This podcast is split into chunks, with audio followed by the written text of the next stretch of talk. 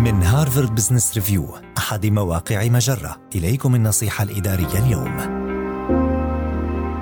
استعد نشاطك في العمل بعد العطلة. قد تصعب علينا العودة إلى العمل على النحو المعتاد. بعد أخذ إجازة طويلة فالشعور بالملل والكسل يسيطر علينا بعد الإجازات. ولحسن الحظ هناك ما يمكنك فعله للخروج من حالة الخمول التي تسيطر علينا بعد الإجازة من خلال اتباع الآتي. عند العودة إلى العمل بعد الإجازة من الضروري أن تبدأ بالنظر إلى ما هو آت بدلاً من النظر إلى ما قد فات. ويمكنك اعتبار الأهداف التي ترغب بتحقيقها تحديات جديدة ومصدراً للطاقة. يجب عليك تحويل أهدافك إلى أفعال محددة تؤدي عند تراكمها إلى النتيجة المرجوة. وذلك يتطلب أن تقسم الهدف العام إلى مهمات يمكن وضعها على جدول المواعيد. حاول إجراء مقارنات إيجابية تساعدك على التقدم. يمكنك البحث عن منافس قريب منك شخص ناجح أكثر منك في مجال ما ولكن أداءه قريب من أدائك